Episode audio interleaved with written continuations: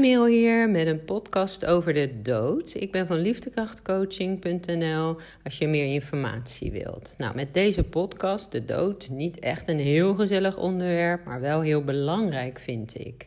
Want er heerst zoveel angst omtrent dit onderwerp en zoveel verdriet dat niet geuit kan worden en onzekerheid, zoveel twijfel, dat ik het fijn vind om er kennis over te delen, zodat je in, uh, in een groot geval van uh, verdriet meer rust hebt en ook berusting. Dood of overgaan, zoals ik het liever noem, kan zo intens verdrietig zijn. Alleen al het feit dat je een persoon uh, nooit meer ziet, nooit meer met hem kan praten, knuffelen, lachen, de dingen doet, doen die je ooit deed. En uh, je systeem, dus je energiesysteem verandert letterlijk. Hè? Dus de dynamiek verandert. Eén persoon valt weg en dat wordt waarschijnlijk weer opgevuld door een andere. Of er zijn uh, sowieso veranderingen gaande. Hoe je over de dood denkt, beïnvloedt de manier waarop je leeft. Tenminste, dat is mijn uh, bescheiden mening. Want uh, wat mij betreft bestaat er geen hel, ook geen nare straffen als je overgaat of andere nare dingen waar je bang voor moet zijn. En hoe ik dat weet? Nou, ik heb mezelf er flink in vastgebeten en uh, van alle kanten bekeken. Um, ik denk omdat ik zelf een gevoelig persoontje ben en het lastig vind om afscheid te nemen met mensen. En dat had ik al met mijn hond, waarbij ik twee, twee maanden van slag ben. Maar ook gewoon uh, ja, andere mensen zie struggelen. En dat ik denk, jeetje, daar moet toch een oplossing voor zijn om het iets minder intens en minder heftig te uh, hoeven maken. Nou, ik heb ook verschillende mensen gesproken, waaronder mijn geliefde schoonmoeder, die een paar jaar geleden zelf is overleden en vlak daarvoor haar man. En uh, zij vertelde mij dat het leek alsof haar man er nog was toen hij overleden was. En wat zij vertelde, ja, dat, dat klopte intuïtief voor mij. En ik dacht, ja, jeetje, jij zal daar niet over liegen. Maar ze voelde gewoon, en ze was absoluut niet de weg kwijt of wat ook. Maar ze voelde gewoon dat hij er nog was, alleen in een andere vorm. Wanneer het lichaam ermee ophoudt, gaat je ziel verder. Dood is niet dood, je verandert van vorm. De ziel is onsterfelijk en multidimensionaal. Met andere woorden, het kan op meerdere plaatsen tegelijkertijd zijn. Dat vergt veel van je inlevingsvermogen, dat begrijp ik zeker. Maar wellicht ben je iemand verloren en voel je zelf ook uh, zijn of haar uh, aanwezigheid. He, ruik je een bepaalde geur op een bepaald moment? Of voel je de warmte als een wolk rond je? He, of je wordt gewezen op iets wat jullie alleen maar samen weten. En, uh, of iets wat jullie samen leuk vonden of een binnenpretje hebben. Nou, dat heb ik wel eens gehad met uh, mijn moeder, die drie jaar geleden overleden is. En uh, ik heb een keer een beetje aparte schoenen gekocht. En zij hield heel erg van mooie kleding, had een goede smaak. En toen was het net alsof dat, dat ik voelde: hé, hey, die vind jij ook leuk. Hè? Dat ze me zei: oh ja, doen, kopen, leuk. En dat zijn misschien kleine dingen die in een mensenleven niet uh, heel boeiend zijn. Maar mij sterkte het op dat moment toch eventjes. Hè? Die momentjes die dierbaar uh, zijn. Nou, net als je ergens wordt overvallen door een herinnering en je traantjes voelt opkomen. Ja, dat vind ik persoonlijk mooi. Dat je even aan iemand denkt en denkt: oh ja, dat was het. En uh, nou, even je traantjes laten gaan en dan kun je weer door. In onze ja, cultuur is het best gebruikelijk om dat flink te onderdrukken, om niet vervelend te zijn. En dat hoeft natuurlijk ook helemaal niet. Je kunt het gewoon op je eigen moment en je hè, eigen tijd doen. Dat je eventjes je traantjes laat gaan. Want dat kan zo uh, opluchten. En ook dan kan je weer verder. En dan hoeven de tranen zich niet uh, op te stapelen en als een uh, enorme uitbarsting op een on ongewenst moment eruit te komen. Nou, wat ik vaak hoor bij mensen die overleden personen hebben, hè, die hen dierbaar zijn, dat ze zeggen: Ik had zo graag nog even wat willen zeggen. Of hè, we hebben ruzie gehad en ik wil het zo graag goed maken. Of ik vind het zo jammer dat mijn moeder of vader mijn hun kleinkind, mijn dochter of zo, niet kan zien. En um, daar wil ik tegen zeggen, nou dat gebeurt hoor. Dus ze zien het en ze maken heel veel mee. En als je goed ervoor open staat, zul je dat ook letterlijk merken. Dat, uh, ja, dat je ziet dat je, je kinderen bepaalde dingen doen die opa of oma deden of zeggen. Het uh, leven gaat in hen voort. En um, als mensen overlijden, en dat is echt wel door heel veel mensen gechanneld vanuit de andere wereld, uh, wat gebeurt er dan? dan um, en dit, deze informatie heb ik van Cryan, die met hoogwaardige informatie komt.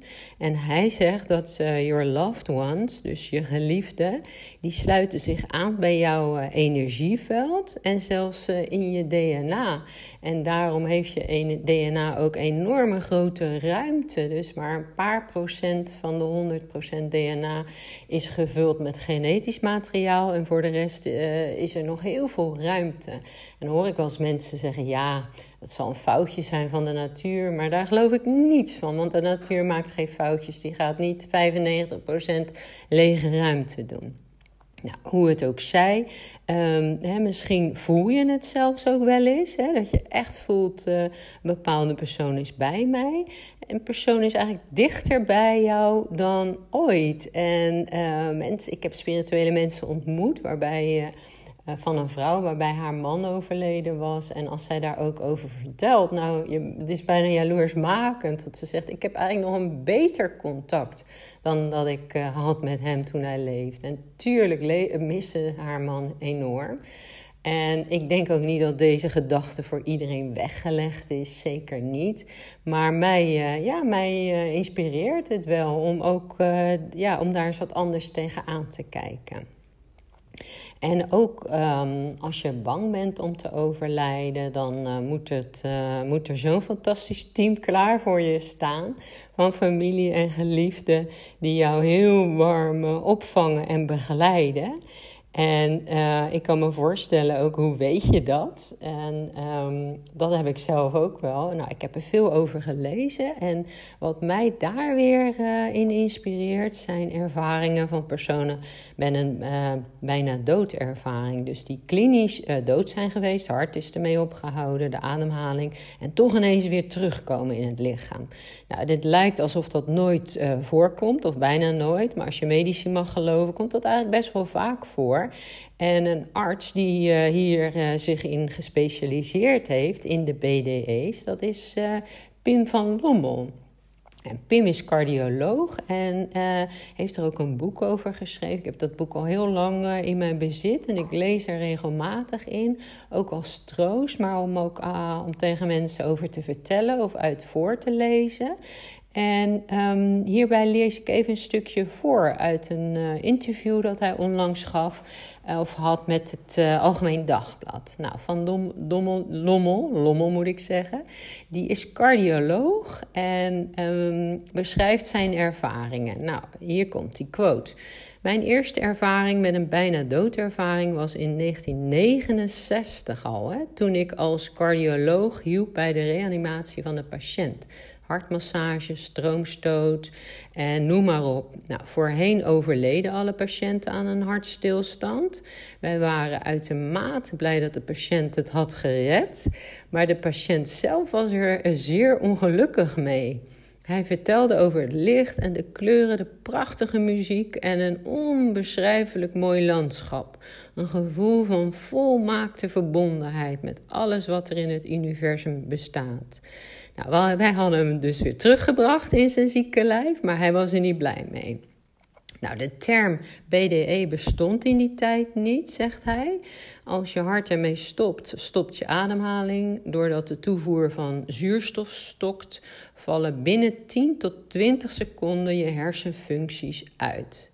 De aanname was voorheen dat hersenen je bewustzijn creëren. Als je hersenen ermee stoppen, zou je bewustzijn verdwenen. Het zou dus onmogelijk moeten zijn om herinneringen te hebben aan een fase waarin je klinisch dood bent. Laat staan dat je op een moment een helder bewust, uh, helderder bewustzijn hebt dan ooit. En meer herinneringen ook. Nou, wat gebeurde er? Uh, we hebben kunnen aantonen dat mensen een helderder bewustzijn hebben um, op het moment dat hun hersenen volledig zijn uitgevallen. Dankzij controleerbare waarnemingen van mensen die een uittreding uit hun lichaam ervoeren tijdens een hartstilstand. Zo kon een man een verpleger vertellen in welke lade deze zijn kunstgebit had opgeborgen tijdens de reanimatie. En zo zijn er heel veel meer details die mensen niet kunnen weten, maar die uh, ze dan uh, wel kunnen vertellen. Nou, het laatste stukje vertelt hij: veel mensen die een BDE hebben doorgemaakt, zijn op den duur fundamenteel anders gaan leven. Vanuit een diep gevoel, uh, gevoeld besef waarom het draait in het leven. Hè? Liefde, acceptatie, compassie. En met de mensen om je heen in de natuur, maar zeker ook met jezelf en je eigen schaduwkanten. Hoe we tegen de dood aankijken bepaalt het leven. Nou, het laatste stukje is misschien eh, best vreemd. Ik heb geen haast om te sterven. En zelfs, zelf heb ik een hele andere mening uh, of houding dan 30 jaar geleden. Maar ik ben wel flink nieuwsgierig geworden. Einde van dit stukje.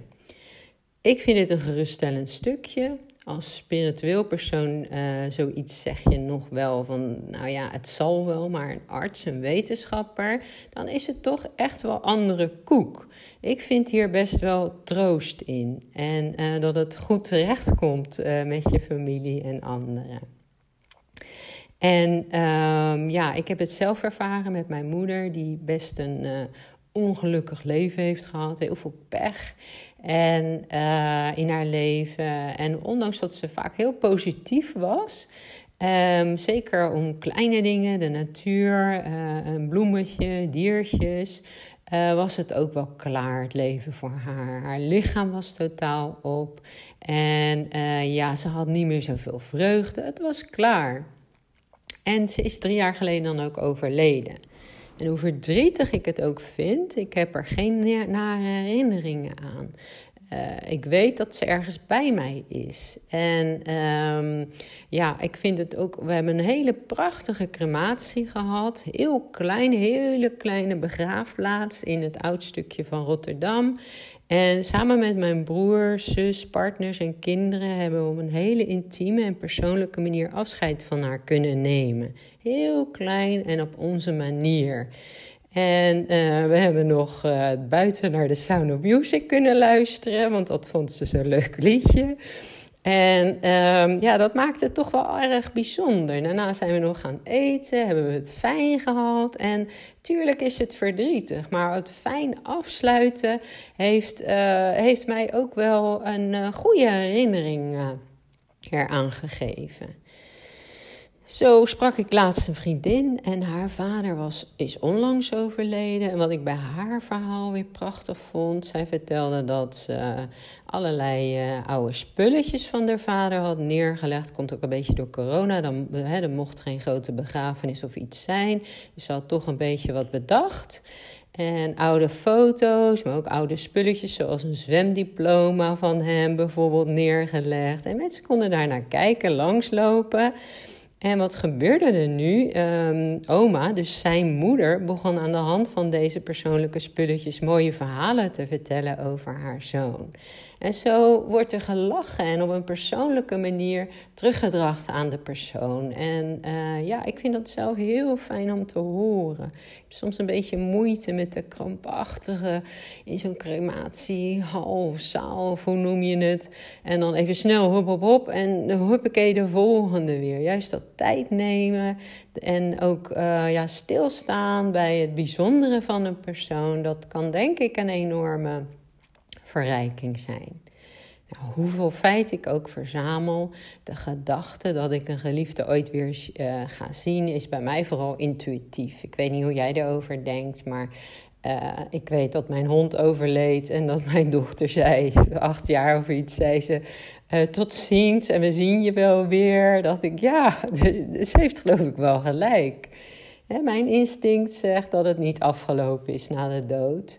En ehm, ik ken ook heel veel bijzondere verhalen waar ik heel nieuwsgierig naar ben. Dat mensen ja, die geboren zijn, kleine kinderen, die gekomen zijn met een bijzonder talent, al heel snel kunnen lezen, zichzelf leren lezen, of zelf lopen, of een taal spreken, of, of muziek maken terwijl ze dat nog nooit, terwijl in dat gezin dat helemaal niet voorkomt. dat een kind toch bepaalde talenten al in zich heeft en met zich meebrengt. Dus in dat, je het zo beziet, dan houdt het leven ook niet op. Want je bent, het gaat maar door. Je ziel uh, reist weer verder. Die uh, gaat weer aan een volgend leven beginnen. Tenminste, dat hoop ik dan maar. En daar geloof ik ook in. Tijdens uh, opstellingen heb ik dat ook heel mooi kunnen ervaren dat uh, tijdens een individuele opstelling is de liefde van de bron, dus waar je naartoe gaat, zeg maar, als je overlijdt, uh, maar ook die hier is, maar die voelen we niet, omdat we dat, uh, ja, daar zijn we een beetje mee afgestompt en afgeschermd. Daar kun je overigens steeds makkelijker contact mee maken, dat kan ik je ook leren. maar tijdens een opstelling ervaar ik ook dat alles gewoon goed is. En ook als je zelf denkt: Oh, ik had mijn vader dat nog willen vertellen, of mijn moeder of wat ook, had ik dat maar niet gedaan. Heb geen spijt, weet je. Probeer het nu goed te doen. En probeer in een opstelling of op een andere manier uh, de boel weer uh, recht te zetten. Door sorry te zeggen. En dan voel je dat alles goed is. Het is in principe goed. Hou, hou niet vast aan spijt. Want dat is zo'n emotie die nutteloos is. En waar je echt niet verder mee komt. Hè? Probeer de goede dingen op te rakelen. En ook ja, te lachen om de mindere dingen. Ik weet dat een man van een vriendin uh, overleden was. En tijdens zijn crematie hoorden we ook allemaal wat ingewikkelde dingetjes van hem. Maar hoe geweldig dat dat gewoon verteld was. Dat hij werd, dat hij zo kritisch was. En dat hij daar, daar moeilijk over deed. Ja, ik vind dat hoort er eigenlijk allemaal bij. Nou, misschien heb je zelf uh, een bijzondere ervaring die je met mij wilt delen. Misschien krijg jij wel uh, bijzondere seintjes uh, van een overleden persoon die je met mij kunt delen. Ik ben heel nieuwsgierig naar. En deel deze podcast met, met een persoon die je er wellicht baat bij kan hebben. En wil je meer informatie? Ga dan naar de website liefdekrachtcoaching.nl. Dankjewel voor het luisteren. Bye bye.